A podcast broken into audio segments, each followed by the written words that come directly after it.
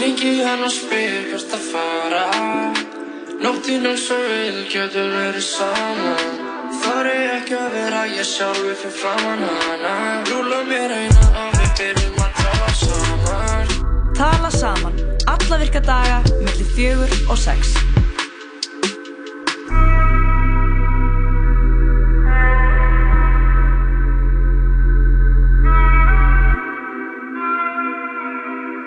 Jújú, jú, tala saman í uh, fullu fjöri hér. Hilsar ykkur á þessum uh, fymtudegi. Það er fortíðar fymtudagur. Uh, Ísak og Birna hilsa ykkur. Úr fortíðinni. Já, úr fortíðinni. Já, við erum að hilsa ykkur frá árunni 1997. Já, þegar við vorum, já svona, hvað, bara nokkra daga eða, eða vikna gömur. Já, já, bara, bara, við vorum bæði nokkra daga og viknum gummul. Akkurat fyrir hvað, 22 árum. Já, en uh, við erum alltaf með þeim ár á hverju minnst af fymtudegi. Þar sem við erum með svona hérna þeim ár sérstaklega í tónlist og jafnvel kannski við lítum aðeins aftur til fortíðar og kíkjum á hvað var að gerast Mhm. um, þetta ár. Já.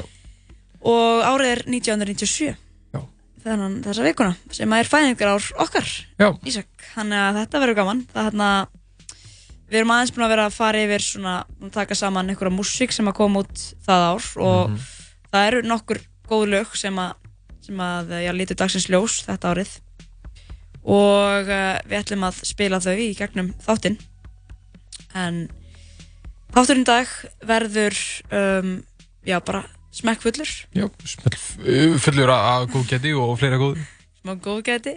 En við fáum til okkar Anna Ingeborgiði til að vera með já, fastan á vikulegan lið sem að heitir Gælur elska glæpi.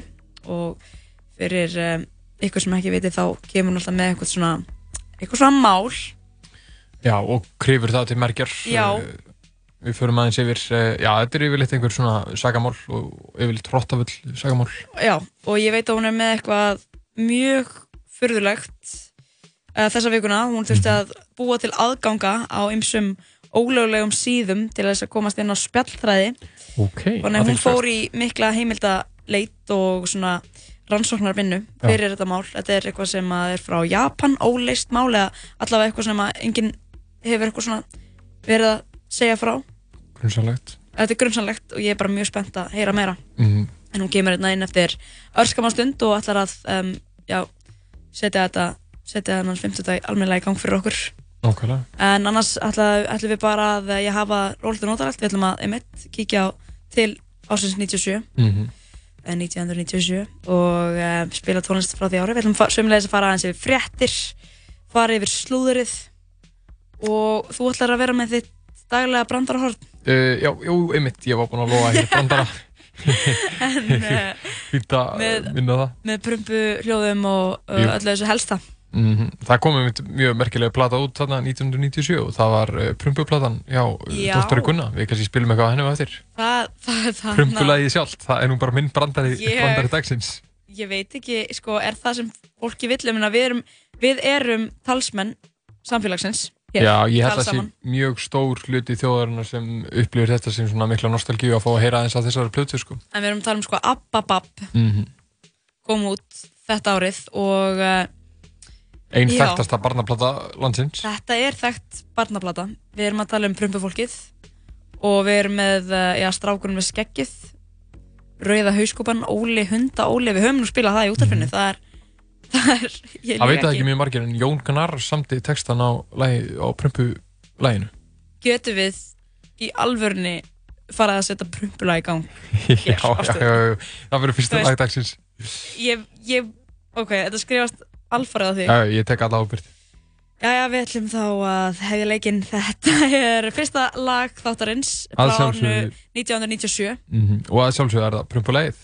Þetta er bara prumpulæðið, prumpufólkið. Um, eh, við ætlum bara að leifa þessu að ja, rúla í gang. Kom inn eftir örskamastund og þá verður Ingeborg Íða hérna hjá okkur.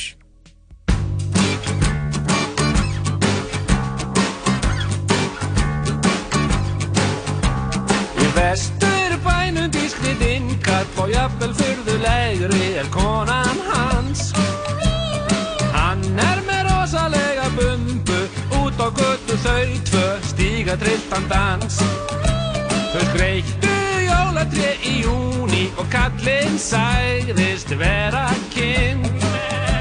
Þau stóðu höndum út á túni og fóru bæði að leysa vind. Kallinn prumpar svona og konan prumpar svona og krakkarnir prumpa með la la la la la la la la la la la la la en fullotna fólki það var brjálað og skammaði börnin sín Það er dónaskapur að prumpa Já,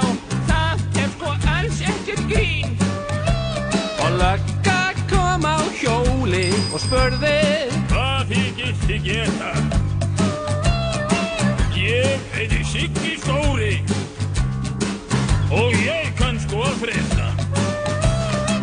Og löggan prumpar svona Og kallinn prumpar svona Og konan prumpar svona Og krakkarnir prumpa með la la la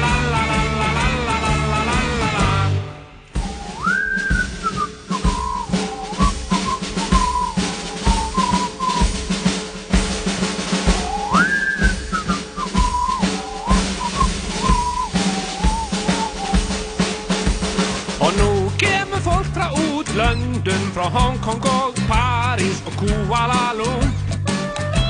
Það kemur alla leið til Íslands Til þess eins að heyra alvöru prump. Og kallinn prumpar svona. Og konan prumpar svona. Og löggan prumpar svona. Og krakkarnir prumpa svona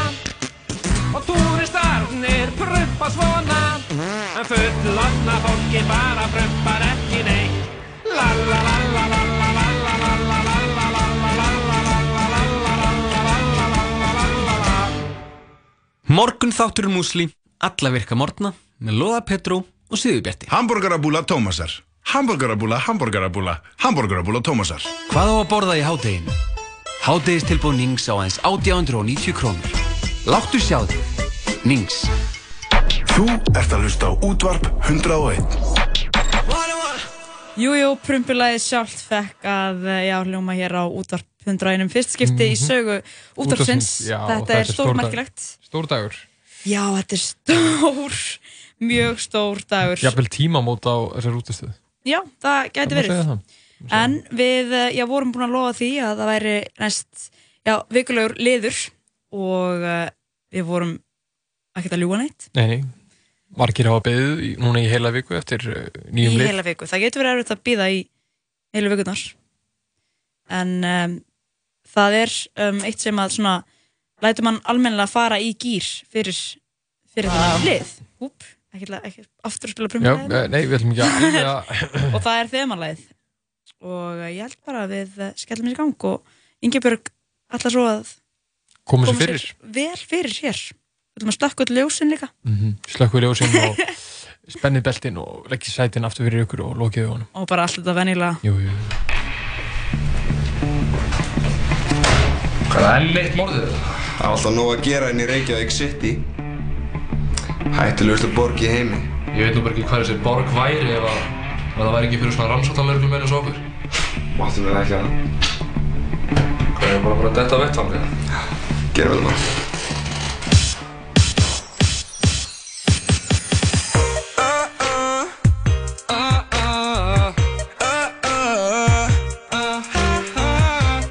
Þetta er tilengað öllum morðingjunum að núti.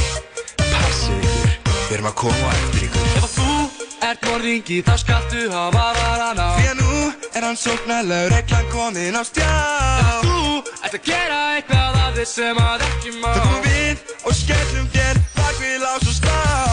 Við skoðum grunsamlegt kurs, sínum saman alls konar rust Setjum það í lítinn póka sem að rennir til að loka. Við eigum alls konar dót, Vasaljós, jætt, sólgliru, jætt það vita allir að við erum. Rannsóknar lauruglan, við finnum morðingjan Og við hann semum hann, þetta er rannsóknarlauruglan. Rannsóknarlauruglan er aldrei langt undan. Jújú, rannsóknar lauruglan þetta er uh, já því er aðeins eitt Ingeborg Eða er uh, búin að koma sér vel fyrir hérna inn í stúdíónu og Gellur elskar glæpi er að fara í gang. Nákvæmlega, spenni veltin. Það er sko, uh, ég ætla, því sem maður fer alltaf inn í svona, inn í vikuna með einhverjum svona fyrirfram ákveðnar hugmyndir um hvaða mál ég ætla að fjalla um. Eða, veist, ég segi maður eins og allir sé að gera þetta. En þú veist, ég fer alltaf inn í vikuna bara eitthvað, að ég ætla að fjalla um eitthvað óupplýst eða ég ætla að fjalla um eitthvað sem einhver bað mig um að fjalla um. Og svo þú veist, dettur maður, dettur maður inn á eitthvað sko. Og bara, ég ætla að hafa þetta innfaldan þátt. Ég ætla, ég ætla að fjalla um eitthvað ógeðslega innfalt mál, eða eitthvað sem allir þekkja. En við vitum öll að Það aldrei. eru ekki skemmtilegir eða þeir eru einfaldir. Það er reynda rétt, sko, og ég datt inn á mál sem að ég hefði bara aldrei hýrt um áður og ég hef aldrei hlustað á podcast, post, podcast eða hlaðvarp sem hefur fjallað um þetta mál, ég hef aldrei lesið um þetta mál, þannig ég er svona stendi mjög sterkri trú um að, na, já, eða allan á Íslandi. Uppljóstur einhverju nýju jafnvel. Já, en þetta er bara, það er ótrúlega lítið til á netinu um þetta, þannig að þú veist, Þannig að þú það svona að ringa í fólk og grafa fyrir. Nei, ég sko, ok, ég þurfti ekki að ringa í fólk en ég þurfti að búa til nokkra svona aðganga á mangasíðum eitthvað svona, eitthvað svona japansku mangasíðum þar sem voru svona spjallþræðir um þetta sem að fólk var svona eitthvað svona að pæli í Æ, ég fer nánar í það eftir. Ok. Hlustendur verður bara að hlusta til að vita af hverju Ingeborg Eða er á öllum mangasíðum Japan. Á einhverjum svona anime spjallþráðum. Þú tala japansku, eða ekki? Jú, það er reybrandi Ég, ég, ég ná, læt vaða hérna þegar við lokum þættinum á eftir. Mhm. uh, En önnur ástæða fyrir hlustendur til að klára þáttinn. En þú segir að, já, þú, er, þú getur valið mál annarkvort hvernig bara feeling þú ert í eða, eða mynda fólk beður þig kannski um að velja Já, ég fengi nokkra beðnir um, Ég held sko þær sum málin eru ótrúlega svona efnismikill sem svo þú veist ég var beðin um að taka Chris Watts sem að gerðist bara í fyrra Ég elskar sko, og kemur alltaf með eitthvað svona nöfn og eins og ég að vita En þetta var svona, þetta var er. bara í fréttum hérna heima ótrúlega Æ, mikið þetta er og enda eitthvað mál svona um Chris Watts og ég bara Þa, Það vita öruglega mjög margir allan Einmitt. hvað þetta er, þó að þú veitir það Það er ekki svona ákveðin hópur af fólki sem að elskar að Já, Það er bara nokkra gælur hérna úti sem elskar sem Já, það er satt. Um að tala. Það er eru í líka. sak Já, en þannig að ég kannski, þú veist Ég er að pæla í að taka eitthvað svona kannski frægara mál og ég vil brjóta upp í tvo þætti eða eitthvað Já. Því að þú veist, uh, þegar Crime Junkie til dæmis tók fyrir mál uh, Chris Watts Já. þá var það brotið upp í tvo þætti og mér varst það samt ekki einu sinni vera nóg, þú veist, ég er bara svona Einmitt. Þannig að- 13 þættir Já, Chris 13 þættir, heil seria, nei, en þannig að um, En endilega haldið áfram að senda, ég er búin að fá nokkur Hvað, og- Ingeborg at 101.life Já, eða bara á gramminu You Sjáðu. can slide um a DMs eins og maður segir góru Oh, shit. íslensku Oh shit. Ingeborg eða Ég- Þetta er ekki lægi sko ég er að djóka Nei, en þú veist, sko, með mál, þar að segja Fólk hefur verið að vinna með það Þannig Að að máli ég hvet málanna. Að máli málana, málið sjálft uh, Ef ég ekki bara vinda okkur í þetta Við erum búin að vera að tala hérna of lengi um hlut sem að skipta ekki máli Jú, jú, gerum það. Þannig að eru þið tilbúin? Uh, Já, ég er svo tilbúin. Vitið til að setjast niður? Já, setjast þið niður. Í þeirrum bæðir svona að koma sér vel fyrir Birna er að setjast. Ég niður Ísak er búinn að setja olbónanir á borð og horfir niður. Hann getur aldrei hort framan í mig þegar ég segi frá henni. Ísak er búin að Ég binda svona fyrir augun á sér og setja svona risastóra kúlu líka upp í munn Úi, við erum svona gagból og ég bara það Þannig að Ok, jæja. Ég var að byrja á þessu. Þannig að Ok, staður á stund. Ok, og við byrjum núna. Ok, staður Japan í Sasebo í Nagasaki héraði og þú veist, þeir sem að kannski þekki eitthvað til í Japan vita að Japan er skipt upp í 47 héruð. Ah, héruð. Og þar af er eitt sem heitir Nagasaki og sem að margir kannski þekkja og það, þar var varpað uh, sprengju við fyrir ekki út í það í dag heldur annað mál sem er jafnvel skemmtilegra og áhugaverðara. En þar er bær sem heitir Sasebo. Og í grunnskóla í Sasebo þann 1. júni 2004 myrti 11 ára stúlka 12 ára samnefndan sinn hana Satomi Mitari í tómri kennslistofu í hátægislinu Ok. Hún lokkaði hana inn í kennslistofuna bara s- sagði henni svona setjast niður tók glerugun af henni og setti þig á borðið við hliðina á henni og bara nú ert þú að fara að deyja. Og hún var bara eitthvað, hún, hljó, hún hljópa ekkert í burtu. Hún satt bara kjur hún eitthvað, viltu að ég bindi fyrir augun þín? Og hún eitthvað svona, nei. Og þannig að hún heldur bara fyrir augun hennar með annara hendinni tekur upp dúkanýf og sker hann á háls. Og, tek, og, og þá náttúrulega svona fyrir hann að missa máttinn þannig að hún sker á úliðina líka til að passa að hún Einmitt. Ó, ber svo útötuð í blóði yfir í kennslustundina yfir í kennslustundina sem þeir áttu að vera í Svo eftir sem var skorinn. nei, gælan sem að myrti hérna gæluna. og bara uh, þannig að það gerði svolítið slæmt. Og kennarinn bara Jeremías. Og þú veist, fer hún er all útöndi í blóði og það, þú veist, þær tvær voru ekki kennslustendinni, fattur þau, þannig að hún vissi að það væri eitthvað svona ekki allt með feldu fyrir að kanna málið og fann þá lík Satomi, Mitari og hringdi í laurugluna uh, og það bara, henni var ekki bjargandi þú veist, um, bara uh, hjartað hennar hefði bara, veist ef það er ekki haldið þrýsting upp á svona sárum það vitið, þá bara dælist allt blóður líka mannum sem vitið þið, þið, þið veitir hvert ég er að fara Já, það frussast út blóð. Já, og sérstaklega ef það er skorað á slagaðar eins og í hálsunum. Þetta er Um, ógslegt. Stelpana var handtekinn og yfirheyrð og játaði strax verknaðin. Ok. Og hún sagði alltaf bara svona, fyrirgefðu, fyrirgefðu, ég gerði eitthvað slæmt, eitthvað svona. En var aldrei eitthvað svona að fara nánar út í þetta, en þú veist, hún hafi játað þetta. En hún var 11 ára. Hún var 11 ára. Að verða 12 ára, en hún var 11 ára þegar verknaðurinn átti sér stað.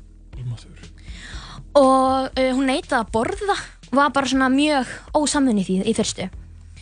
Um, stelpan, sem aldrei hefur verið nafngreind opinberlega vegna aldurs, gaf ekki upp ástæðu árásarinnar í fyrstu, eða tilöfni árásarinnar.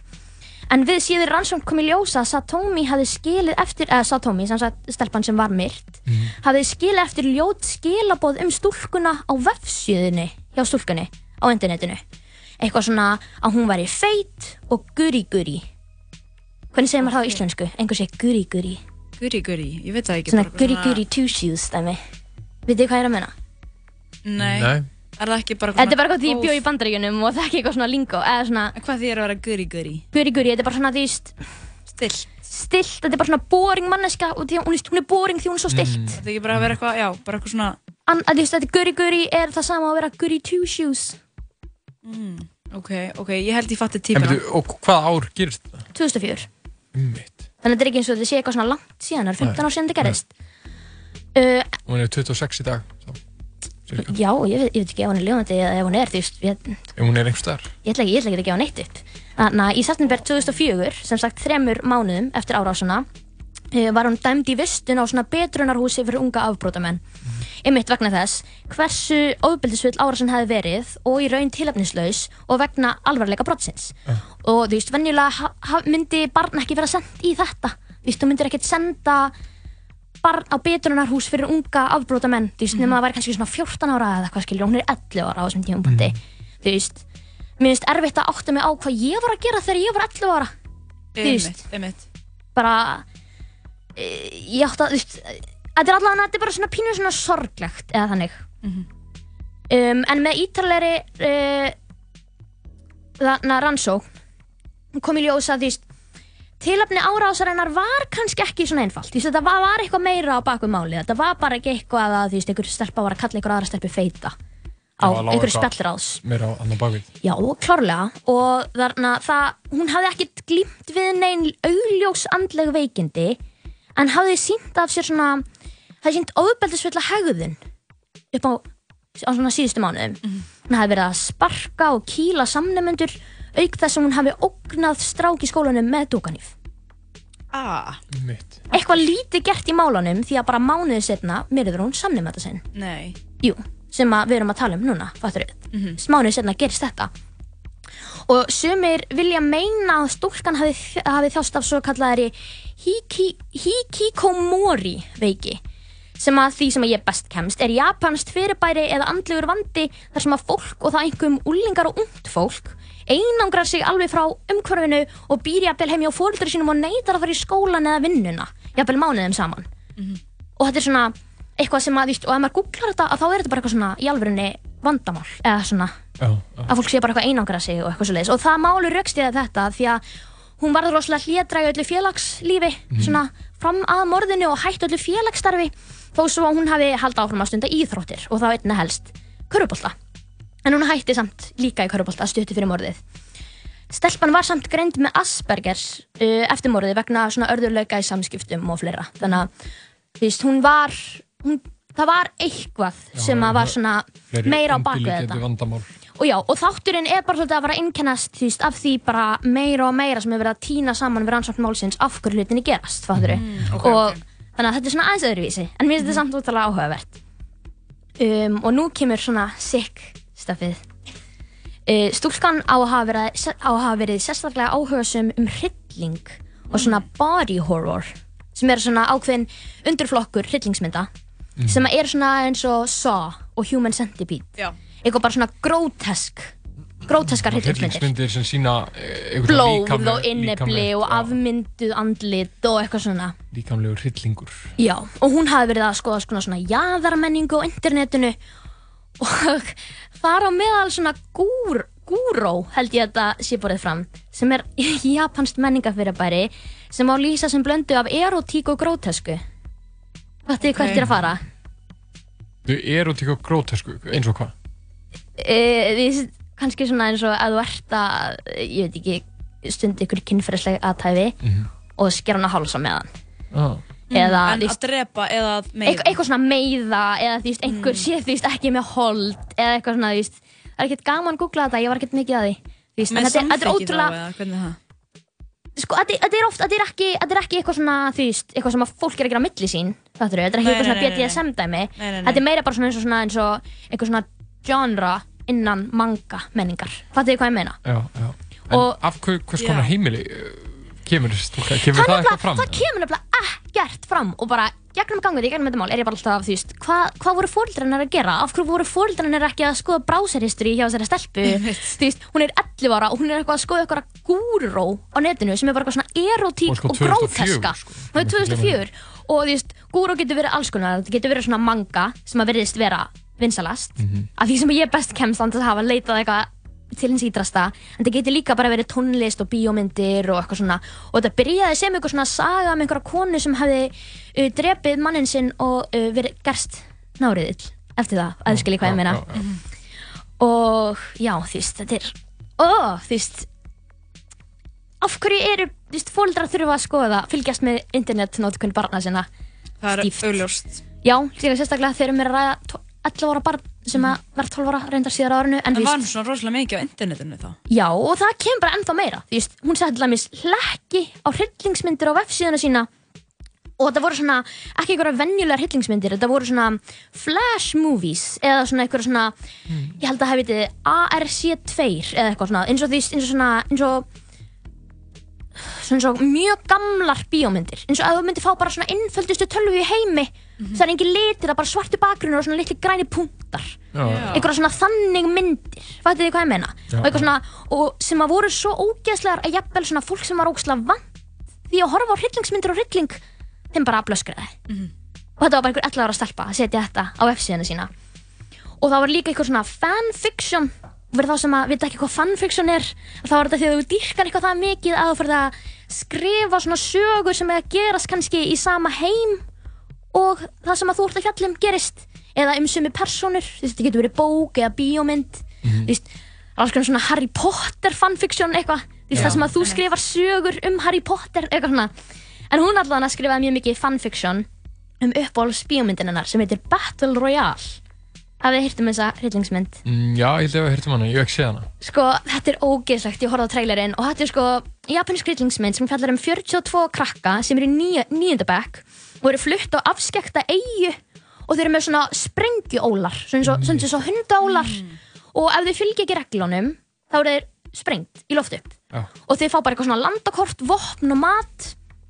Og þeir bara drepa hvort annar alltaf bara einn eftir og hann kemst af eiginni Og hún er að horfa á þessu mynd á þessu tíma? Já, og hún er bara eitthvað að skrifa eitthvað fanfiction í kringum þetta. bara komin all in í Þetta er bara, þetta er bara eins og Hunger Games nema bara miklu, miklu, miklu verra. Og er þetta ný mynd á þessu tíma? Hún kom árið 2000, en hún er fjóra ára gammal Já, en þú veist, og Quentin Tarantino Hvernig segir maður þetta? Quentin Tarantino Mhm. Þú veist, hefur sagt að þetta sé ein af uppáhalds kveikmyndunum hans og hann hefur svona lofað hann í viðtölum og sagði bara svona, ef ég hefði mátt velja eina mynd sem að ég hefði viljað leikstýra eða ekki eitthvað svona eina mynd, hann hefði viljað leikstýra þessari mynd Ok, wow þannig að hún svona þykir vera vel gerð þó að viðfangsefnið sé ógeðslegt Mhm.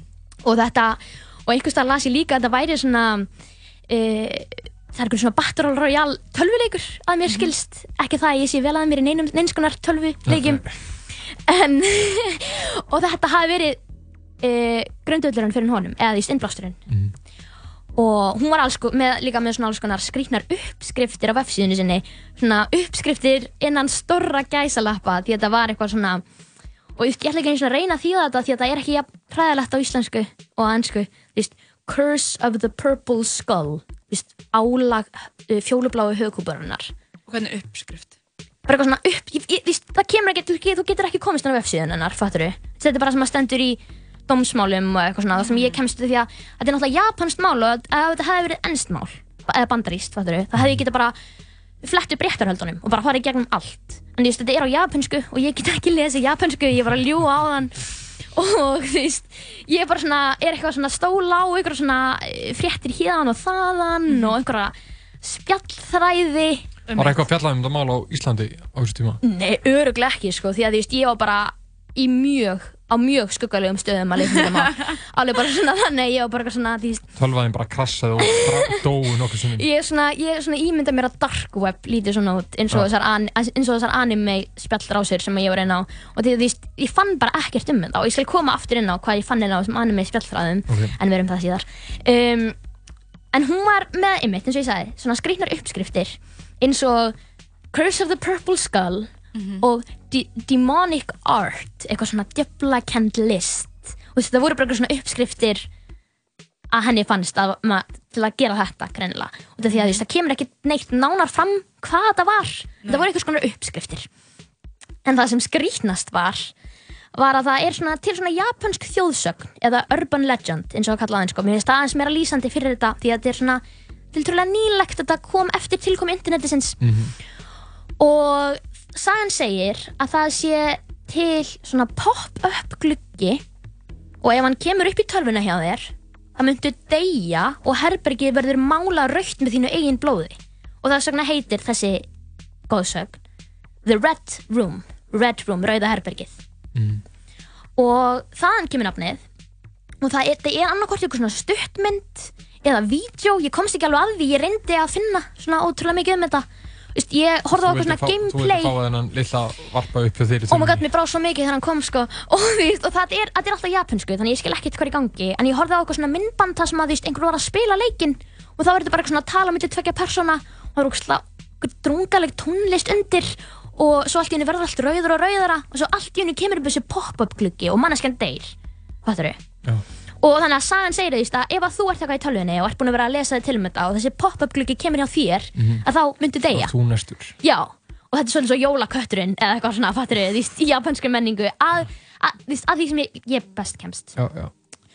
Og hún var alveg bara mjög, þú veist, henni fannst þetta frábært. Hún var mjög uh, upptekinn af þessari góðsögn. Og hún var, og vefsíðan hennar var því hönnuð í kringum þetta. Þema af vefsíðinu hjá þessari stelpu var The Red Room. Og eftir að málið komst í fjölmiðla, þá þú veist, varð þetta Red Room dæmi, þetta var ekkert eitthvað það þekkt fyrir. En eftir að þessi stúlka myrðir samnumönda sinn, þá verður þetta svona fenómenón, eða þannig, svona menningafyrirbæri. Og þegar að málið fer svona að rata í fjölmiðla, að þá fór mynd af stúlku sem fólk heldur fram, fólk heldur fram að sé stúlkan um þetta, í dreifingu á netið, þrátt fyrir tilraunir yfirvalda til að reyna að halda þessu svona, halda persónu uppsingunum hennar lindum. Og á myndinni, þá er hún svona að gera písmerkið með annari hendi og hún er svona hættupeysu sem stendur á Nevada. Og ég na, er með þetta hérna fyrir ykkur til að sjá og ég seti það auðvitað á vefinn og þetta er myndin. Þetta er ekkert eitthvað skýrmynd, þetta er, þetta þetta er brot af hópmynd. Já, þetta á að vera hún. Þetta er svona eins og einhver, bekkjamynd, einhver hópmynd Já, einmitt. Þetta er hópmynd. Það sést fóða lítið í andlitið hennar. Þetta er hópmynd. En þetta og á þessari hópmynd hvað er... hún er lítil. Já, já, já. Og á þessari hópmynd þá er líka gælan sem hún myrti. Mm. Þau voru saman í bekk. Og ég ætla að setja myndin á vefinn þar sem að ég bara öll bekkjamyndin í heilsinni og það er bara svona ör. Hérna er gælan sem að myrta hana, hérna er fórnalambið. Já, En hún er svona rosalega lítil. Hún er rosalega lítil, því þú sér það þegar þú sér þessa mynd, því þetta er bara barn. Ég bara skil ekki hvernig barn getur fengið svona mikið, þú veist, orðið svona rosalega húgt á okkur hluti svo þessu. Ég bara, þú veist, ég svona fór eitthvað svona að pæla í þessu líka og ég bara, þú veist, hún hlýtur að hafa átt eitthvað erfitt, þú veist, bara heimilislífi eða eitthvað, eitthvað hefur verið Það er undirleikandi. eitthvað, Eða eitthvað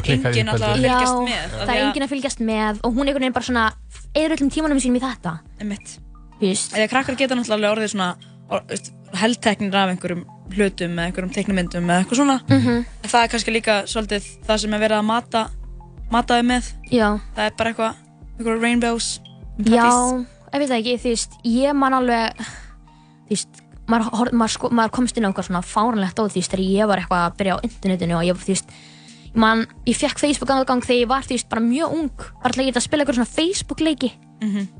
og þú veist, var fyrst alltaf á, á aðgangunum bara hjá mömmu Einmitt. og mamma var hann svo pyrruð á að vera, ég var alltaf að senda vinkunum hennar einhverja beðnir í einhverjum Facebook leikjum og hún leiði mér loksins að fá mitt eigið, skilur og þú veist, ég veit ekki, ég man ekki, ég get ekki eitthvað muna eftir neinu sem ég var að gera, þú veist það er allt opið fyrir manni eða þú veist. maður sem er líka aðtilsvört við þetta mál er að það gerist 2004 Já. og internet er náttúrulega úst, allt öðruvísi þá en núna þarna var fólk miklu meira með heimasíður eða voru ekki svona miklir spjallþræðir eða ekki fólk mikið Já, og ég vil minna um svona, sko, svona hluti sem er að vera að henda þér inn á núna er rosa mikið, Já. þú veist, þú fer inn á þessi og þá sér þetta og klikka þarna og fer inn og en lengur mm bara komin inn í eitthvað svona svartólin, geta alveg trúa því að þarna þarf maður að hafa kannski svolítið mikið fyrir því að bara fara inn og skrifa eitthvað Já. og þannig hún er, far, er að fara að inn hún er bara að skrifa eitthvað sjúkt hún er er ekkert eitthvað, ups, ógeðslegt. ég væri farmvill og færa orð inn á þú veist, þetta Einmitt. þannig að mér finnst það líka að vera svolítið svona uh. Já, og svo líka bara svona, þú þarfst að hafa, einmitt eins og þú ætti að segja, þú veist, maður þarf að hafa einbeittan brotavilja, Já. þú veist, til að komast inn á okkur síður um The Red Room. og einhvers staðar kemur þetta sko, einhvers staðar hefur hún verið í samskiptum við einhvern eða Já. Eða bara að vera að horfa á Battle Royale sem að koma út ára 2000 þegar hún var 11 ára um einhverja japanska krakka sem eru að drepa hvort annað. já, já. Mér langt samt alveg að horfa á þessa mynd bara til að, þú veist, til að fá Já, ég samhengið. er mjög áhugaðsamur um þessu mynd Já, en allavega, aftur að stelpunni sjálfur þessi mynd sem að hún var sem að fór í dreifing af henni það stóð Nevada og út frá þessari mynd fekk hún svona nafni sem hún er þekktust undir í dag Nevada Tan okay. og Tan er veist uh, svona eitt af heiðursviðskeitunum í Japan, eða fattur þú veist það er svona alls konar viðskeiti sem að fólk getur fengið á baka nafni sitt Já. Og ég skil ekki alveg kerfið en þetta er allavega bara svona viðskeiti í, það- í japansku máli. Og þarna stúlkan varð svona eins og er kallað í öllum greinu sem ég las cartoon meme í Japan. Svona bara eins og manga fyrirmynd eða anime fyrirmynd, þú veist það eru teiknir ókslega marga myndir af henni, eitthvað svona hún í Navata peysunni með dúkanhýfin og það lekur blóða dúkanhýfnum og hún er svona gett svona skrítin í framann og eitthvað svona. Og það var líka vinsælt að ég veit ekki hvernig maður orðar þetta því ég þetta er svo fjarrið mér veist, að roleplaya hana. Því að það er svona einhver ákveðin anime fólk roleplayar aðra karaktera. Og það hún þú var veist, bara orðin einhver bara bara einhver karakter hún er bara, hún er orðin einhver fígura og fólk sem var að roleplaya Nevada Tan Mhm. var því í Nevada peysunni og með dúkanhýf og búin að þú veist, einhvern veginn setja hettuna á sig og voru gert svona eitthvað mm, þú veist, með svona en nú voru meira bara einhver karakter fyrir fólki Já, og þú veist, það var eitthvað svona, ég las líka eitthvað, eitthvað staðar að Nevada peysur, svona að salan á Nevada peysum hefði bara far, farið úr öllum mörgum og öll öllum að, veist, að salan hefði aukið svo mikið Já, eftir já. að það gerðist. Því sem er bara ógeðslegt. Þú veist, af hverju myndi fólk vilja, og það er bara til ógeðslega marga síður á netinu, eitthvað, on Twitter, Instagram, Facebook, bara að þú googlar Nevada Tan, þá er alltaf einhver sem er að halda út í síðu, bara að posta reglulega einhverjum mangamyndum af Nevada Tan. Mhm. en þetta er bara þá orðin kannski líka bara einhver óraunveruleiki fyrir fólki. Já, þetta er bara þetta er bara einhver karakter og þetta er bara eitthvað fyndið. Já. hlæðist svona, bara eins og við, við myndum bara eitthvað klæða okkur upp sem þú veist, Bubba Mortens eða eitthvað. Þetta er bara eitthvað ég veit það ekki. Eða Þetta jafnvel eitthvað er bara þú veist, eins og bara fyrir okkar kynslu að úr Adolf Hitler er nánast bara einhver svona fígura fyrir manni Já, nákvæmlega. frekar en, frekar en sko, já bara einhver, einhver maður sem hefur gert eitthvað ræðilegt fyrir söguna sko. Já, en ég, ég vil meina að við vitum betur en að vera eitthvað að klæða okkur upp sem Hitler á ösku já, vissulega, en hann er einhvern veginn hann er ég vo- meiri fígura Já, fyrir ég, okkur heldur en ég fatt nokkur það, aðra. skiljur og, það, og mér finnst þetta svona, finnst mér þetta svo skrítið að fólk skuli vera að gera þetta eða veist, eitthvað svona Mér finnst það svona, ég bara svona, ég get sem ekki trúið því að fólk bara sé eitthvað svona veit ekki eins og kannski grunninn að þetta hafi gerst í alvörunni. Að þetta sé bara komið það langt, ekkert eitthvað kannski strax á þetta gerist. Já skilur það, sé Ég eitthvað alveg trúað því, sko. Jú, þetta er hérna, hún, hún sko, þú veist karakterin, hún á að hafa drepið þennan mannesku þú veist, það sé bara eitthvað svona sem að karakterin gerði, það er saga hjá, Mhm. hjá hérna, þessum, þessum karakters Já, en þú veist, alltaf já, æði ekki, svona svo eftir þetta mál þá urðu uppi mjög mikla raukraður um hvíst hvenar börn urðu saghæf Mhm. og öryggi barna á internetinu bara eins og vera ber eins og hefur örugglega gerst líka hérna heima menna bara veist eftir mannskvörf á Íslandi þú veist munið eftir því þegar það var hert allt öryggis eftirlit nýrinn bæ Mhm. hérna fyrir nokkrum árum algjörlega. Og þú veist, sakaldur hafði mitt verið lækkaður úr 16 nýri 14 ára árið 2002 eftir að hefði verið barnamorð í Japan árið 1997 þar sem að sakborningurinn var 14 ára. Og þetta var kallað Kobe barnamorðin.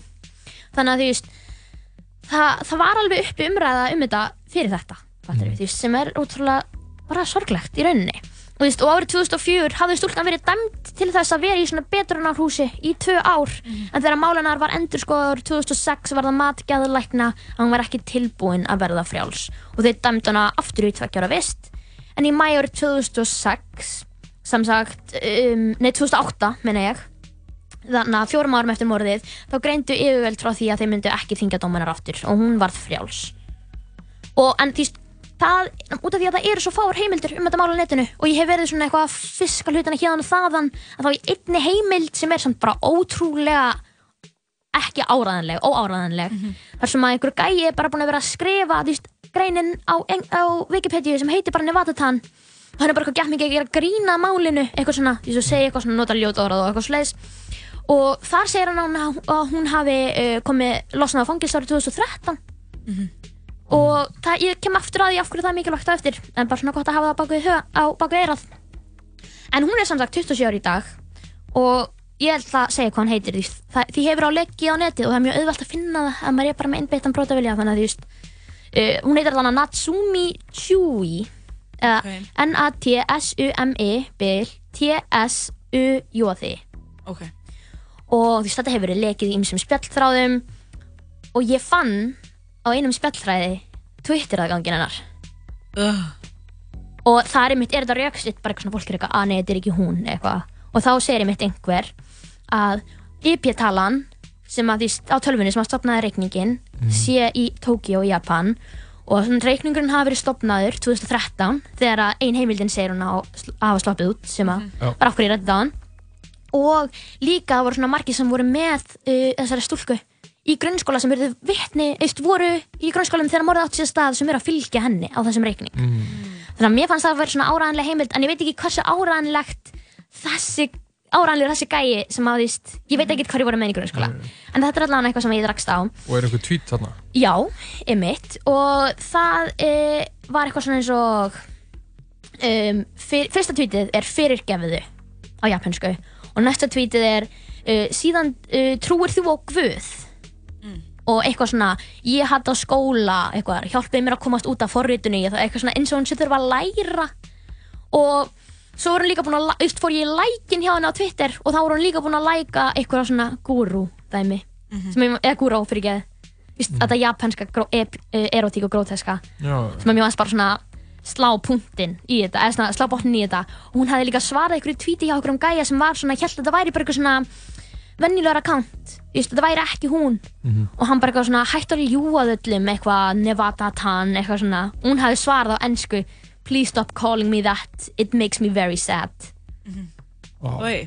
þannig að þetta er, just, ég held að þetta sé hún í alvörunni Og er hún bara laus og hún er bara laus. að tvíta að tvíta úr Tókíó og, og ég fann líka Instagram aðgang sem ég held að hún sé hún líka sem að hún bara verðist bara vera mjög eðleg á en ég er samt ekki að fara að embedda Twitterin hennar og uh, Instagramið hennar á vefinn en þú veist ef fólk er með innbyttan brótavilja eins og ég hef sagt því þá er frekar auðvelt að finna þetta. Það er bara búið til nokkra aðgang á manga spjallsíður og þá eru öllum allir vegir færir. Vá! Þetta er skrítið mál. Þetta er ótrúlegt. finnst ykkur þetta ekki, sko, ég er bara búin að vera Já, í ég sjokki. vil langar að heyra meira um þetta mál, sko. Já, það er samt, því þetta er bara allt Þú veit því að því þetta var svona alltaf, hún var því bara 14, nei, 11 ára, segi ég þegar að þetta gerðist, skilur þannig að uh, stjórnvöld vildi náttúrulega bara halda þessu frekar lindu, þú veist, þú vildi ekki, þú veist, nafnið hennar var ekki gefið Hún út, þú getur ekki hún ná hefur ekkert stíðið fram með það neitt, þannig. hún hefur reyndlega ekki gert það, sko Setni árum. En er Ekki- fólk ennþá að svona nota hennar Nevada Tan karakter? Já, þú veist, ef þið farið bara, ég, ég var hann á Facebook áðan og ég er bara búin að vera að googla þetta í dag og í gær og þú veist, alltaf, það er alltaf einhver Nevada Tan fan account bara sem er að posta svona mýmum og einhverjum svona mangatekningum af Nevada Tan, skilur við, bara eitthvað svona þú veist, hún eitthvað öll út í blóði með eitthvað dúkanhýf og þú veist, bara svona ókslega margar skrýtna myndir og ég meina hérna sem ég ætla að sína ykkur þú veist, þetta er svona príma dæmi um hvernig þessar myndir eru. Emitt, bara svona teiknuð manga mynd Já, með nýjum fyrir aftan bak Emitt Þetta er þetta er weird. að því að sko Já, að ég bara enn aftur að, þessum svona karakter og þau séu að klæða sig upp sem, sem, uh, Sem hún. Nevadatan. Mhm. Að ég held bara að þau séu bara eitthvað svona, hvað, hvað er þú að vera? Að bara benda á einhverja mynd, bara einhverja teiknaða mynd. Já, það má vera. Þú veist. Ég, bara, ég er ekki nógu vel að mér í japanskri menningu, eða þú veist, kannski er þetta eitthvað svona, þú veist, ég vil ekki segja neitt, eða svona, þú veist, eitthvað svona að þetta gett skrítið eða eitthvað, eða svona að síðan þá í dreifingu því að, þú veist, kannski er þetta eitthvað bara, ma, æ, maður veit aldrei, eða, ég veit Nei, ekki einmitt, hvað ég er að segja. Þetta vekur líka alveg upp fleiri spurningar hvað var það bara alla þessar karaktera sem að eru mjög þekktir. Já. Þú veist, hvort að þetta sé alltaf í grunninn byggt á einhverjum, Já. einhverjum raunverulegum hérna, aðila eða bara meira. Oh my god, ég var samt líka eiginlega að segja eitt. Ég var næst, ég var sko byrjuð að skrifa um mál og ég var í alveg komið einu og halva blaðsíðu þegar ég áttaði mig á að þetta var bara spuni frá rótum og ég hef bara verið að reyna að afla mér heimilda og ég var bara, ég finn einhver heimildir um þetta mál, því what the fuck, hvað er í gangi? Nei. Þegar ég fatt að þetta var einhver creepypasta spuni. Og ég vissi ekki einu sinni hvað það væri. Creepypasta er eitthvað svona fandom wiki síða, greinilega. Þú veist, og ég er bara einhvern veginn álstæki, ég, var- ég var aldrei verið inn á þessu og það var líka eitt áhugavert mál og ég var bara, wow, ég hef aldrei heyrt um þetta eitthvað, hvað er þetta eiginlega og það var Svo bara þetta er bara einhver uppspinni frá rótum ykkur sem einhver lonely guy gerði heimi á sér, skilur Um að gera. þetta er, já, það allavega Alice Killings, eða, það er það sem ég held að ég var að fara að fjalla um í eitthvað svona óupplýst mál En þú tókst Nevadatan. Já. Hvað heitir? Í- Na, nat... eitthvað? uh, Fórun á lambið Já, nei hún. Hún sjálf, hún heitir Natsumi Chui Natsumi Chui. Þú Já. heldur betur fórst í gegnum hennar æfi. Oh my god, finnst Allavega þetta til svo skrítið, sko. 2013 Já. og við veitum ekki hvað hún er í dag. Kannski er hún bara Nákvæmlega. í næsta nágrinni. Kannski kemur hún til Íslands eins og Issei Sagawa gerði Já. Gefur sér fram ef hún er að hlusta. Já. Þetta er í annað skipti sem ég falli með eitthvað svona mál um einhvern frá Japan sem er laus og er lifandi enn þann dag í dag Það var manna þetta, það ekki Jú, það var manna þetta síðast Hún gengur hann laus. Já, hún kom til Íslands, Ísak Nei. Jú, víst, hlustaði á þáttinn Já, kannski ekki svo sem átt bróðum minn. Það er, ekki svona fallegi saga, sko Hún er miklu ókíslegri En, já, það verður engin þáttur í næstu viku Nei, þú ert að fara í. Hardcore Prófatörn Já. og við bara óskum þér góð skengis þar. Takk kærlega Bara að fyrir. lesa þér til um eitthvað annað en glæpamál. Já, bara um setningafræði og máltöku barna til að mynda Einmitt. Svo getur alltaf komið þitt take á hlutina og kannski komið með eitthvað svona siðilegst take í Já. ritgerða, í loka svona ritgerða spurningu. Við vorum með mitt í ykkur svona í ándjóks, þetta er dagsatt áðan, voru í bókmentafræði um umræði tíma vorum að greina ykkur svona smásögu og eitthvað svona sagan hefst á því að það er ykkur lítil stúlka að rífa fæturnar á konguló Ég veit þetta er svona gegnum gangandi hjá þér. Já, og ég eitthvað svona og ég eitthvað, já þið náttúrulega vitið að þegar börn eru svona að sína er að meða dýr, það er eitt af þremur uh, einkennum þess að, það verða ofbeldismenn í framtíðinni og þeir eitthvað, ó já, hvernig vissur þetta og ég bara eitthvað uh, sko það er náttúrulega líka að þú ert að pissa undir á nóttinni og ef þú ert að kveiki elda þú veist, þetta er bara eitthvað svona bull, sko. þetta er ekki bull Jú, jú, jú, jú. Jú víst, þeir sem að morðingjar í framtíðinni, þetta, er- þetta er sannað sko þetta er allavega svona mjög við, viðkend kenning, fattur þau Mhm. að þú ert að meiða dýr, pissar undir á nætunar eða ert að fykta með eld Já. að þá er það svona þrjú merki um að þú getur gerst að í framtíðinni eitt merki sé að vera einmitt sá sem er í tíma og veit þetta. það er merki þess að vera Það er morðingi. líklega margir hann að springja í þetta. Eh, býta nú í fingunum sínar.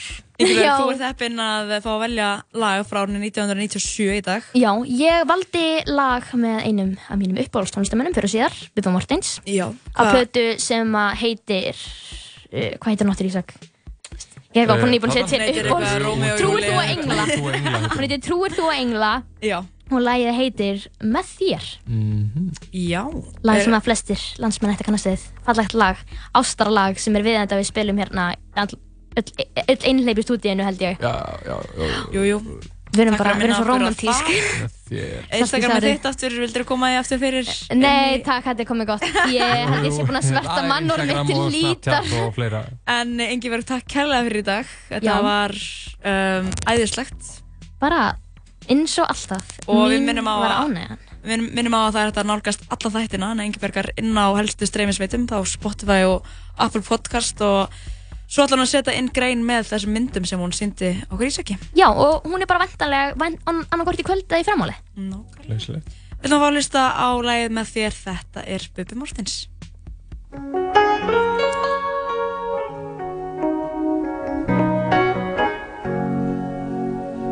Música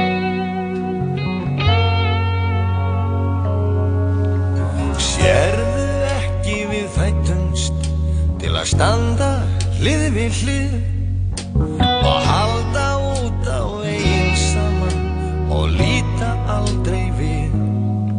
Með þér vil ég verða gaman og ganga lífsins vel.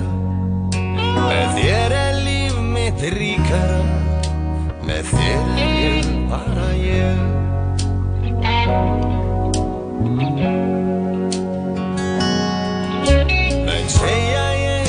breyttur. Og syngjum börnin og þig. Ég syngum það sem skiptir máli aðeins fyrir mig. Eitt mátt þú vita, ég elska þig. Meira en lífið sjálf Ég trúan þín mitt líf væri, hvorki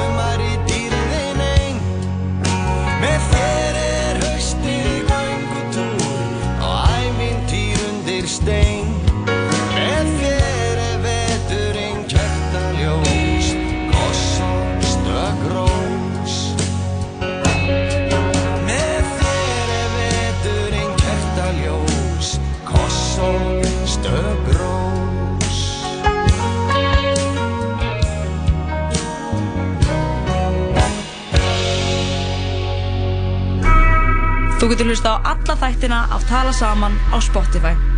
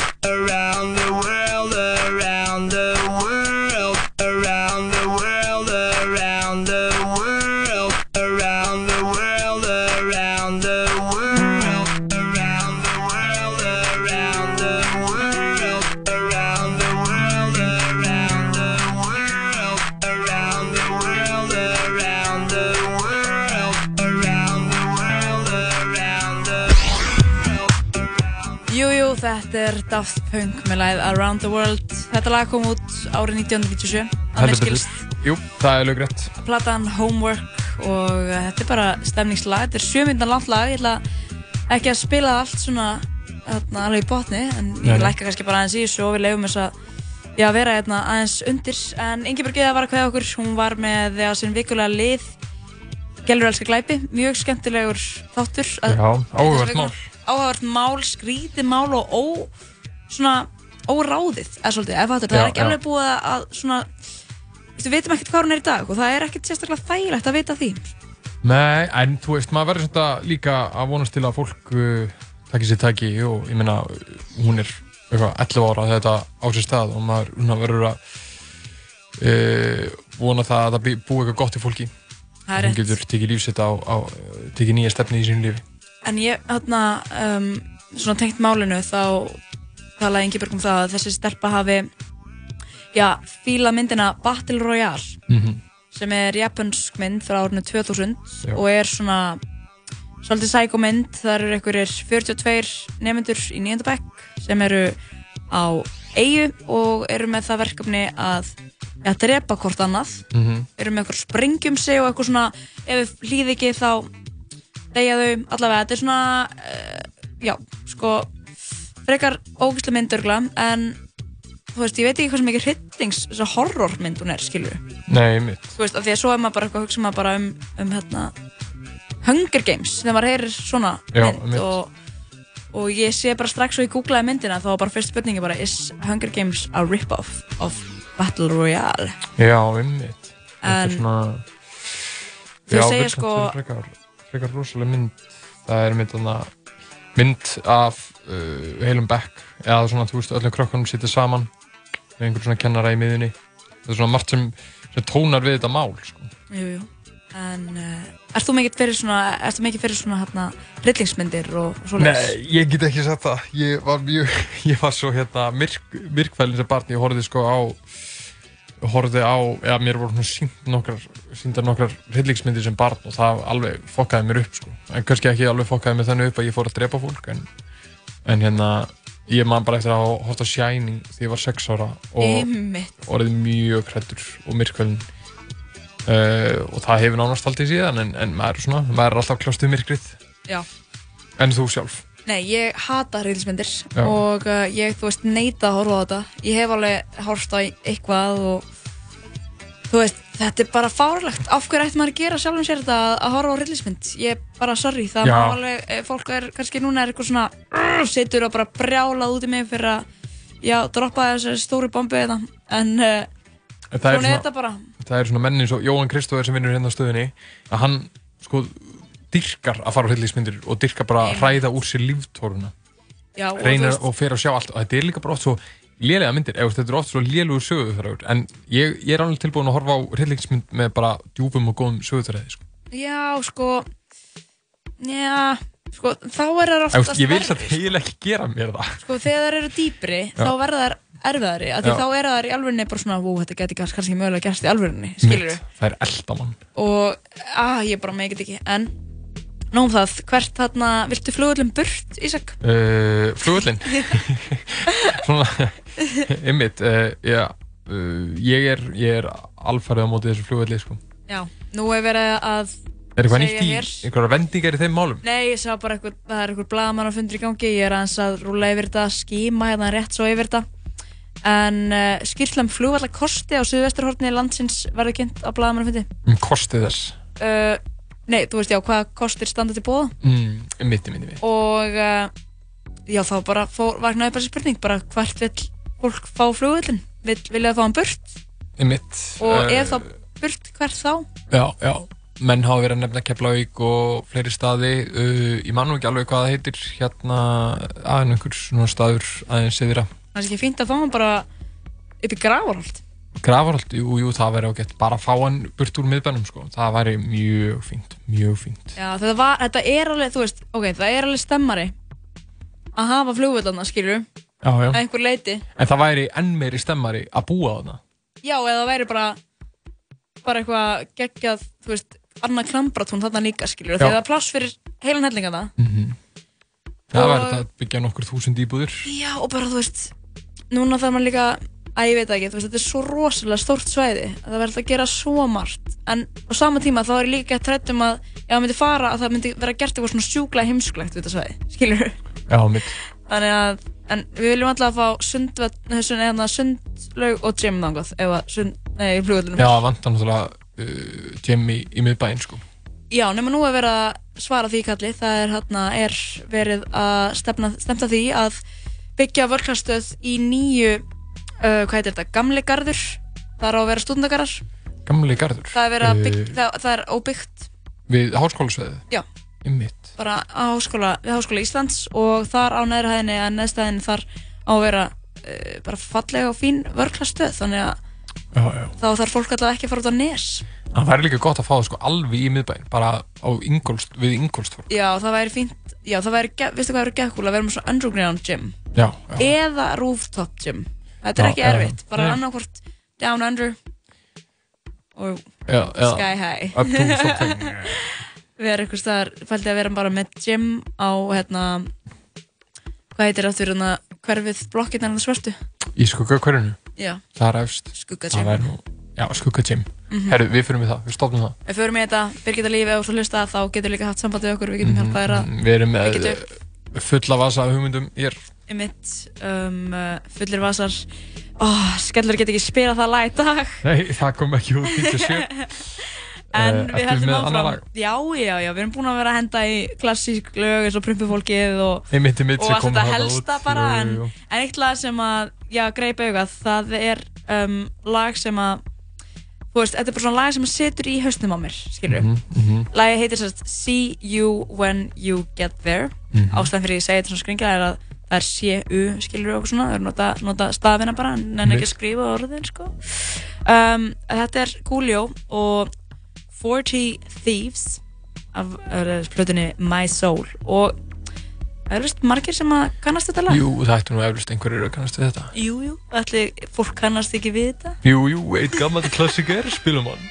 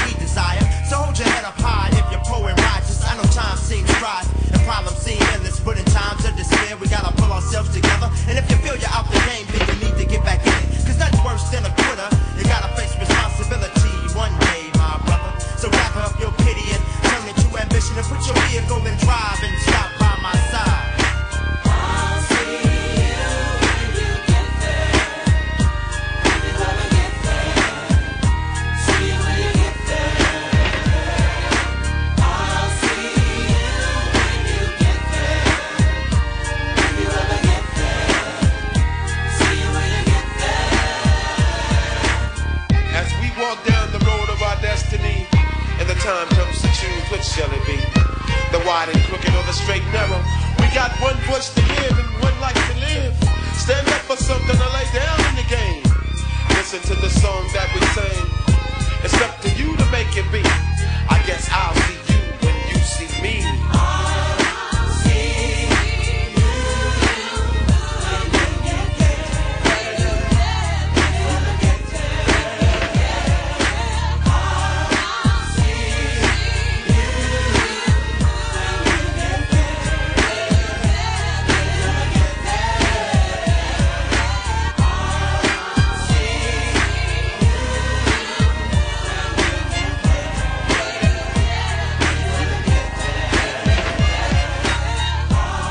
See you when you get there Þetta er klassíst lag frá árið 97 Jú, heldur betur. Besta árið Jú, jú, besta árið. Nei, nei, við segjum það En uh, Ísak Henriksson og Birna Marim Ástur með þér í Mhm. síðdeginu þennan fimmtudaginn og uh, við erum í bara góðum gýr Já, við erum góðum gýr, við erum svolítið fortíðar gýr. Uh, við lítum aftur fortíðar. Það var margt skemmtilegt sem gerist árið 1997. Já, 22 ár, ár síðan. Mm uh, það er náttúrulega uh, þetta ár kom nei, fór í Eurovision okkar maður, Páll Óskar. Einmitt, einmitt, einmitt. Uh, með lagið, hvað heitir það, Hinsti dans? Já, minn hinsti dans. Páll Óskar var fulltrúi Íslandika í uh, já, söngakefni Európska sjómanstöð mitt. Og uh, þetta var þetta ekki umdilt uh, Jú, þetta er náttúrulega svolítið svona hvað, að segja svona kynferðislegt kynferðislegu dans og svona sem var, uh, jú talaði venjulega vinnur. umdilt á sínum tíma. Jú, þetta var umdilt á sínum tíma. Það er alveg, það er bara var svo leiðis og uh, ég veit sko að hann tók á þarna stóru tónleikunum sem hann held hvað fyrir tveimar árum síðan eitthvað svo leiðis Já, mitt í í höllinni. alveg rosalega stóru tónleikar. stjörnu tónleikar. Já, þar tók hann einmitt bara öll sín lög og eða öll sín helstu lög meðal annars þetta lag og þá voru þau bara að bara endur gera atrið Já, það var gaman að sjá það. Já, það var epist sko. Svo náttúrulega gerði MC Gauti líka sína útgáfu að, að þessu lagi.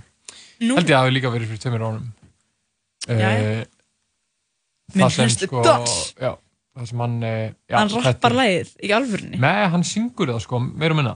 Og það eru bara svipaðu dans og hreyfingar og þetta var gert sko fyrir uh, fyrir hérna já, þetta er sagt 2017 bara í sögukemni 2017 þá var 20 ár Einmitt. frá því að lagi var eða ég skilði, ég skilði, ég skilði, ég skilði Uh, jú, jú Þannig að ég mæli með að fólk fara inn á YouTube og uh, tjekki á því líka. já, en ég held að við séum bara að fara að henda í henda í lagið Já. uh, upprunalegu útgáfuna frá Einmitt, einmitt. Palla Já.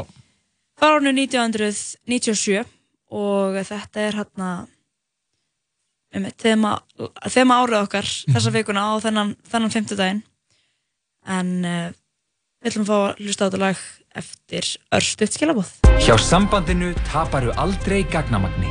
Sambandi. Símafélag framtíðarinnar. Mmm, þetta er góð matur. Skál, hlemur matöll. Tala saman, alla virka daga millir fjögur og sex Í bóði Dominos og Smárabíó.